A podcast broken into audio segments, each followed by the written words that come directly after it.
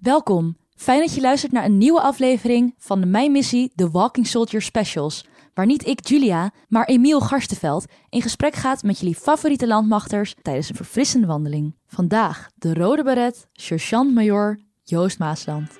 Meerdere malen op missie geweest, vele dingen meegemaakt en trots op zichzelf en zijn eenheid destijds. Naast zijn leven bij Luchtmobiel is hij ook passievol kunstenaar. Op een zeker moment heeft hij zijn penseel opgepakt zonder te weten of er talenten lagen. Maar na Irak is dit een bijzonder mooie manier van verwerking geworden voor hem. Goedemorgen Emiel. Goedemorgen Joost. Alles goed? Jazeker, hartstikke goed. Ja. Leuk je te ontmoeten. Ja, dank je. Ja. Waarom zijn we specifiek hier? Nou, waarom ben je hier uitgenodigd? We zijn op Park Hoge Veluwe, bij het eh, Museum Krullenmuller. We bevinden zich eigenlijk tussen Schaarsbergen en het ISK in. Eh, een prachtige plek, denk ik, om elkaar eh, vandaag te ontmoeten. En mijn verhaal te vertellen. We gaan het hebben over kunst. En we gaan het ook hebben over kunst. Nou, eh, ik ga het meemaken. Zeker, zeker. Ja, zullen we maar gaan? Ja, is ik ben benieuwd. Ja.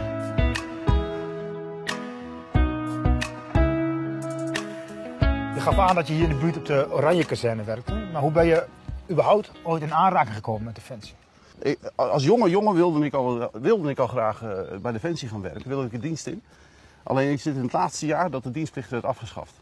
En toen kon je nog aanmelden. En uiteindelijk werd ik gewoon eh, bedankt eh, voor mijn dienstplicht. En ben ik doorgegaan in het vak waarin ik toen werkte. Ik werkte toen als slager.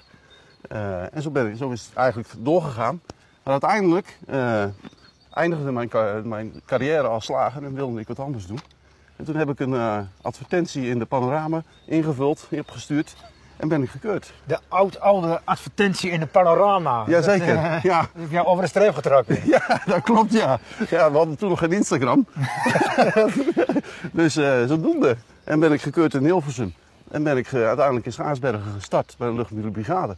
En welk eh, jaartal praten we nu? 98. Dus je bent best wel een tijdje nog slager geweest. Jazeker, ik ben 14 jaar ben ik slager geweest. Ik heb een eigen zaak gehad in eh, Apeldoorn. En die ging over de kop. Dat, eh, dat werkte niet. Eh, ja, en toen wilde ik een andere, wilde, ging, ben ik naar een andere uitdaging op zoek gegaan. En die vond ik bij Defensie, bij de Luchtmobiele Brigade. Dus je was eigenlijk al midden 20 toen je naar Defensie ging. Jazeker, ja, ik was 26 was ik. Ging je toen als manschap de opleiding in of ging je meteen de Nee, onderofficiersopleiding? ik ben eerst als manschap ben ik gestart. Dus gewoon als soldaat Ja. heb ik de AMO gedaan. En zes maanden zware opleiding gedaan. 13 kilo afgevallen. En, Zo. eh, ja, Maar hoe, eh, hoe was de omslag van het wereldje? Want ik kan me voorstellen van eigen baas van slagen naar de soldaat is er wel even een... eh, ja dus zeker, is dat een, zeker is dat een omslag, een totaal andere, andere cultuur. Maar ik heb me er wel in thuis gevoeld. Ik voelde me gelijk daarin thuis. En, en dat is wel gebleken. Ik, heb, het doel, ik werk nu 23 jaar bij, de, bij Defensie. Met veel plezier en met veel passie.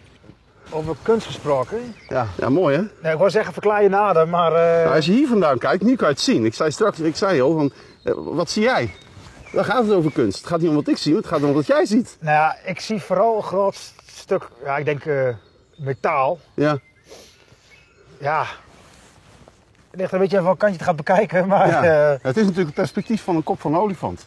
dit is een kop van de olifant. Ja, ja. Als je het hier vandaan kun je het eigenlijk perfect zien. En aan elke kant waar je dit beeld benadert, zie je een andere, zie je, kijk je het vanuit een andere hoek. Ja, Kees, nou moet je de kop van de olifant naar links zien en dat hij naar je toe kijkt. Want dat is ook de, de slurf zo aan de voorkant. Ja, ja. Als jij het zo ziet. Dat is, dat is kunst. Ja, heb ik het goed of, of, of is er geen goed er, van? er is geen goed of fout in kunst. Nee, Ja, oké. Ik vind het een bijzonder beeld. dat klopt. Dat klopt, ja. Ja. ja. Je moet zo af en toe die creatieve kant van je geest moet je natuurlijk ook openzetten. ja. Dat is misschien wel een leeuwmomentje voor mij. De creatieve kant van mijn geest openzetten. Ja. Dat, eh, Ja. we waren gebleven bij jouw militaire opleiding. Maar had je nog echt hele specifieke redenen, behalve dat je gewoon werk zocht om bij Defensie te gaan? Nou ja, kijk, in die tijd eh, speelde het conflict tussen Servië en Kosovo. Eh, en dan heel de wereld, of de maatschappij, roept van alles dat we eraan moeten doen. Aan, aan ongerechtigheid en we moeten ingrijpen. En ik ben toch wel van, van huis uit, ik ben een, eh, een domineeskind. Eh daar komt natuurlijk eh, een stuk menselijkheid, komt daar wel in terug als je in zo'n glazen huis soms opgevoed wordt. En dan, dan zie je dan wat er in de wereld op dat moment gebeurt. En dan, denk ik, dan ben ik voor mij, uit mijn karakter, zeg ik, nou, als je wat zegt dat je eraan moet doen, dan moet je ook de ballen hebben om het er ook zelf wat aan te doen. Nou, dat viel op dat moment viel het eigenlijk samen. Maar je had het erover dat je opgegroeid bent in een domineesgezin. En wat, wat vonden je ouders van dat je dus de stap hebt genomen naar Defensie te gaan? Op hun midden 20. Ja, nou, die die waren toch heel trots eigenlijk op mij. Ja, ze zijn heel erg trots geweest. Eh, ik, bij de binnenkomst bijvoorbeeld, kan ik me nog goed herinneren, dat hier in Schaarsbergen, dat mijn opa en oma daar stonden en mijn ouders daar stonden. Ja, dat was toch, ja, daar waren er mega trots op eigenlijk, dat, je, dat ik dat toch eh, gefixt had. Ja. En ja, eh, ben je zelf nog naar Kosovo geweest dan na het conflict? ja, uiteindelijk wel. In december 98 heb ik mijn opleiding afgerond. En ging met opwerktraject in om eh, met het eh Senierhulpbataljon eh, eraan toegevoegd te worden als force protection. En ben ik een half jaar in Kosovo geweest, in Prizren. Dus je ging eigenlijk als bescherming van de genieclub ging mee. Ja, om daar uiteindelijk een stuk opbouw te doen voor, eh, voor alles wat daar eh, kapot gemaakt was. Ja. Hoe heb je dat ervaren? Je bent, eh, gaat met de opleiding uit, je gaat meteen door. Het is like één rudel eh, achter elkaar. Ik vond het op, uiteindelijk, de uitzending viel wel mee qua spannend, hoe spannend het was. Ehm, je ziet eh, heel veel ellende om je heen. De massagraven lagen natuurlijk nog daar net, die waren allemaal vers. Dat werd nog onderzocht. De- bij die massagraven liepen dan ook de, de witte pakjes er zeg maar, rond. Of, om te kijken of er misdaden gepleegd waren. Nou, dat zijn wel indrukken die, me, die, uitzending, die in die uitzending bij me zijn blijven hangen. Maar de periode, met name dat je zes maanden van huis was, dat moest wel even, daar heb ik al aan moeten wennen destijds. 800 man op één mast en proberen te bellen. Nou ja, dat werd dus, als je wilde bellen, dan, dan moest je dat midden in de nacht doen. En eh, dan, dan had je, als je geluk had, dan lukte dat. Maar anders was het niet. Gewoon brieven schrijven. Brieven schrijven, ouderwets brieven schrijven. Ja, er werd brieven schrijven, ja. Ja. Dan krijg je natuurlijk wel veel persoonlijke verhalen misschien via brieven. Het is wel persoonlijker dan een e-mail of een... eh, Nou, eh, een, brief, een brief schrijven geeft natuurlijk wel diepgang. Want je moet goed na, over nadenken wat je op dat moment opschrijft. Dus eh, dat is wel een voordeel. En toen je terugkwam van je eerste missie, toen dacht je van, laat ik bij Defensie blijven. Ja, ik heb toen nog wel een studie gevolgd om te kijken of ik eventueel buiten Defensie zou gaan werken. Eh, maar uiteindelijk eh, toch een keuze gemaakt om te solliciteren om onderofficier te worden. En in 2003 ben ik naar de- uiteindelijk naar de KMS toegegaan. En hoe beviel dat op de KMS? Dat is ook wel een andere wereld, denk ik. Ja, de productie van ons is, eh, in een slagerij is anders als, eh, als bij Defensie, zeg maar. Maar ik keek er wel heel erg, naar uit om, om, eh, om onderofficier te worden. Ik ben heel erg betrokken bij mensen. Dus ik wilde heel graag onderofficier worden om dan door te ontwikkelen binnen het bedrijf. En daar ben ik nog steeds ontzettend dankbaar voor. Dat ik dat, dat die, keuze heb kunnen maken en onderofficier ben geworden. Ik vind het een fantastisch bedrijf. Werken met allemaal, altijd met jonge mensen. Ja, dat, dat, dat, dat raakt mij in mijn passie, in mijn drijf. Dus eh, ik heb daar nooit geen spijt van gekregen. Natuurlijk de eerste keer dat je echt eigen personeel had. Hoe heb je dat aangepakt met die jonge gasten? Ehm, nou ja, ik, ik denk als je als, als mens, moet je, je moet naast je mensen staan. Je staat niet boven ze, maar je staat naast ze. Alleen er is wel een onderscheid tussen eh, welke taak en verantwoordelijkheid je hebt. Dus je staat aan de ene kant sta je wel boven ze, maar je is met name ze ertussen gaan staan. Dat is denk ik belangrijk in, een stuk leiding geven. Je bent een van de acht, dus je vecht net zo hard mee als elke ander. De- Je buddy links of je buddy rechts van je. Eh, je hebt uiteindelijk met dezelfde vijand te maken. En had je nog eh, dat je tegen mensen aan bent gelopen van in je groep? Wie karakters niet wie met jou botsen? Hoe ga je daar dan mee om? Hoe ga je met dat soort jonge mensen om? Nou ja, ik denk dat je uiteindelijk met iedereen wel kan connecten. Ik probeer ook met jou te connecten. Ja, we komen er aardig uit. We komen naar de grens, we waren straks bij een olifant. Ja, ja. Maar ja, nee, ik denk dat je uiteindelijk met iedereen wel eh, kan, je, kan je proberen een connectie te vinden met elkaar. Waar de een eh, misschien meer getriggerd wordt door een bepaalde manier van communiceren. Ik heb ook meegemaakt dat er de ene jongen die heeft een, een, een, schouderklopje nodig. Maar ik, heb, ik had er ook iemand die kwam gewoon naar me toe en zei: geef me af en toe maar gewoon een schop onder mijn hol. Dat deed mijn vader ook en dat werkt het beste voor me. Nou, dan, dan geef ik probeer je invulling aan te geven. Dan probeer je invulling aan te geven. ja. Ben je met die club ook nog op, eh, op missie geweest? Eh, ja, ben met, die, met die groep ben ik ook eh, uiteindelijk nog op missie geweest. In Irak draaiden we destijds in Assamwa eh draaide de missie tijdens dat het 13e bataljon. En wij eh, werden eh, toegevoegd als eh, force protection voor eh, de logistieke konvooien vanuit Kuwait richting eh eh, Assamwa. Dus dat is Zuid-Irak en jullie deden zeg maar, de beveiliging van de logistieke konvooi. Ja, dat klopt. Ja. Ja. Natuurlijk wel een hele andere soort missie als eh naar Kosovo. ja, zeker. Een andere missie als Kosovo en ook een andere missie als ISAF 3 die ik ondertussen achter de rug had. Het voordeel wel was dat ik bekend was geraakt met het voertuigoptreden. Met een MB, eh, de poort uitgaan. eh, daar was, waar was ik wel bekend mee. Dus dat was een voordeel in die missie dat ik dat eigenlijk al achter de rug had. Het was mijn derde uitzending op dat moment. Het was relatief gezien een veilige missie. Het was net de opkomst dat we te maken kregen dat we aware moesten zijn van bermbommen en dat soort zaken. Daar moesten we wel alert op wezen. Maar eh, de- de- de- wat we later zijn tegengekomen in Afghanistan, dat was het nog niet het geval op dat moment. Hé, Emiel, ik heb koffie meegenomen. Kijk, kijk, daar hou ik nog van. Je bent de eerste, hè? Dus daar hou ik nog wel van. Zullen we even gaan zitten? ja, laten we doen. Ja. Als jij die nu even open draait. Een bekertjes.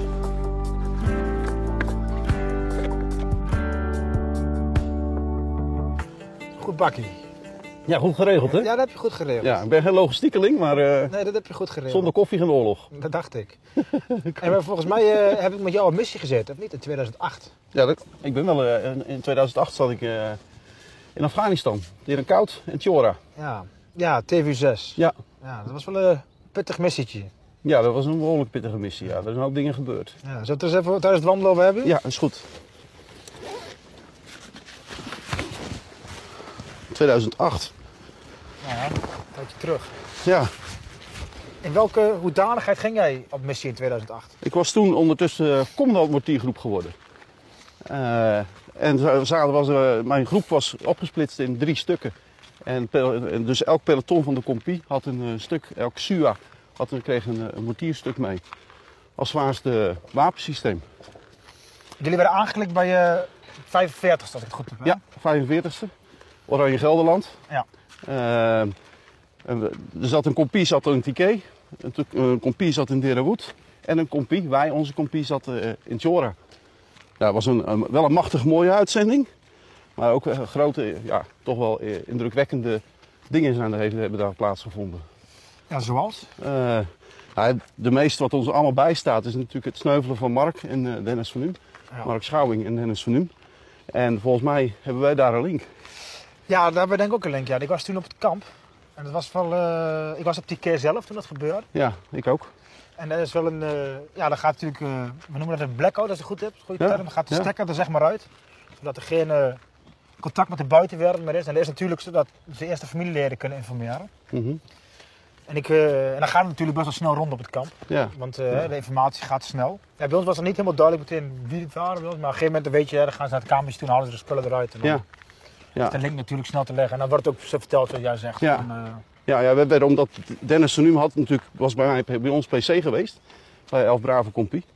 En dus werden wij er apart genomen. ja. Omdat wij een directe link eigenlijk met hem hadden. ja, precies. Ja. Ik kende hem niet persoonlijk, maar jij had echt een persoonlijke link met hem. ja, hij is drie jaar mijn PC geweest. Ja, En wat deed dat op dat moment met jou op het kamp? ja je, je- e- eerste moment ben je totaal verslagen. Eh, met elkaar. En dan trek je je terug in je prefab om het een plek te kunnen geven. En dan is het eigenlijk onvoorstelbaar. En dat vind ik eigenlijk soms... eh, we hebben net de herdenking eigenlijk weer gehad. Want de datum is, vorige week zaterdag hebben we de herdenking gehad in Loenen. En het ligt zo kort nog bij ons. En het is ook al ondertussen wel weer eh 13 jaar geleden.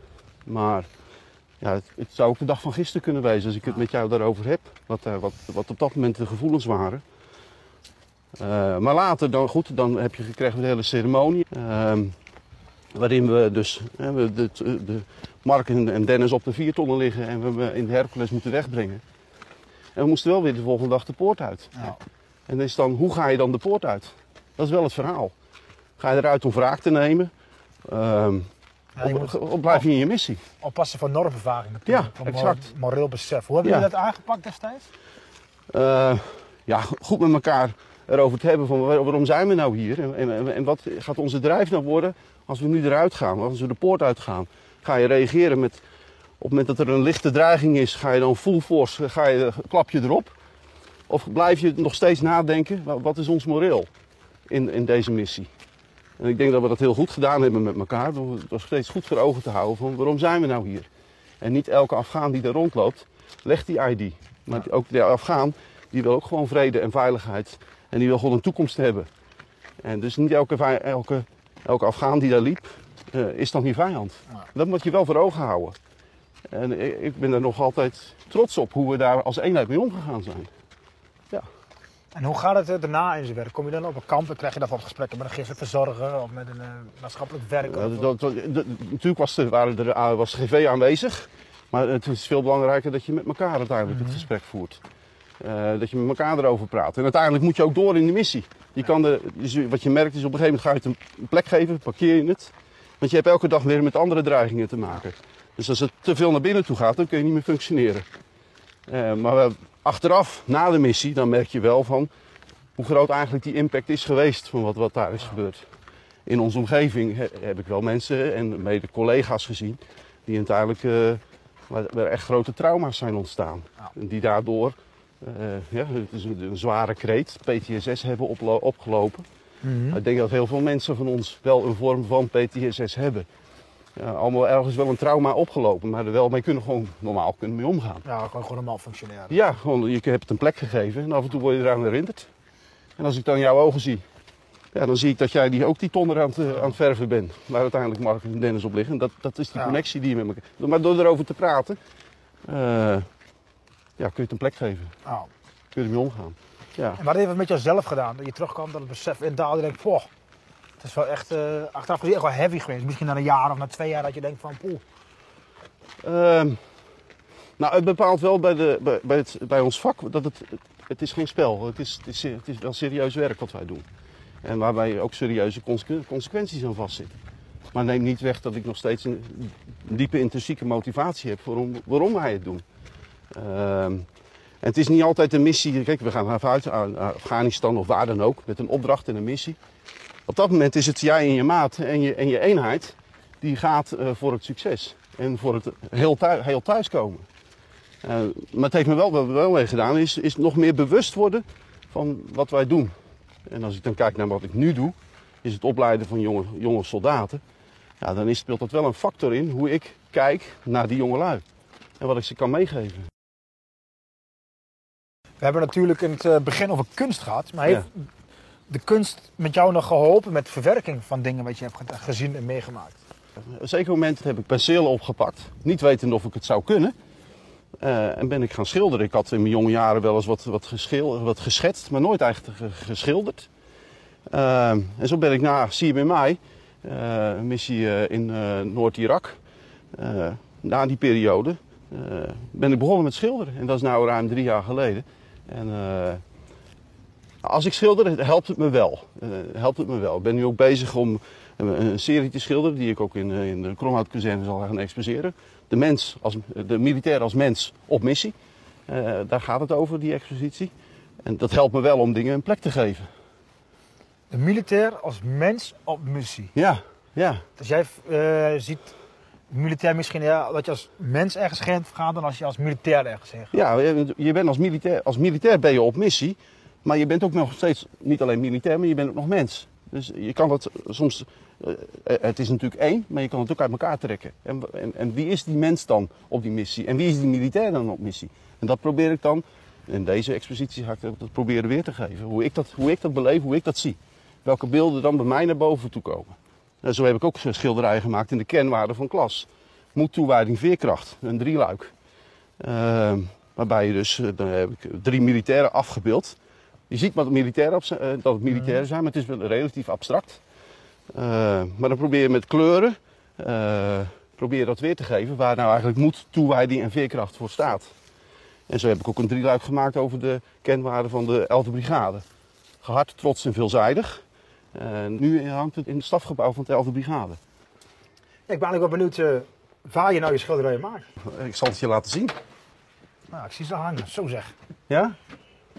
Ja, die vind ik wel, zelfs ik vind dat hele mooie kunst. ja. Wat zegt het jou? Ja, dat je opkijkt naar iemand. Vertrouwde hand. En eh, iemand die je begeleidt in het leven, denk ik. Mhm. Nou ja, wat ik heb proberen weer te geven is de, de relatie tussen kind en, en vader en moeder.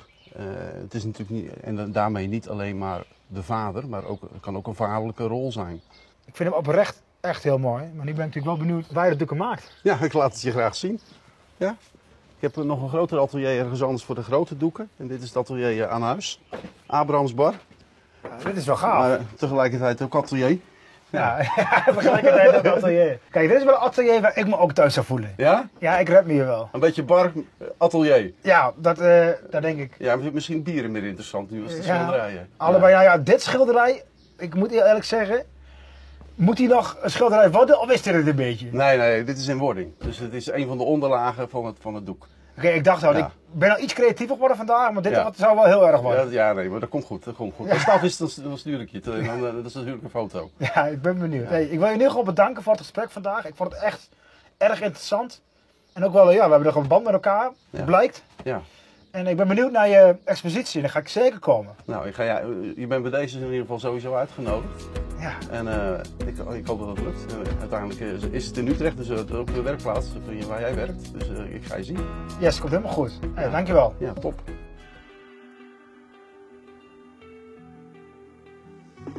Op YouTube is The Walking Soldier ook fysiek te bekijken. Vergeet je niet gelijk te abonneren op ons kanaal, zodat je altijd up-to-date bent van de nieuwste landmachtcontent.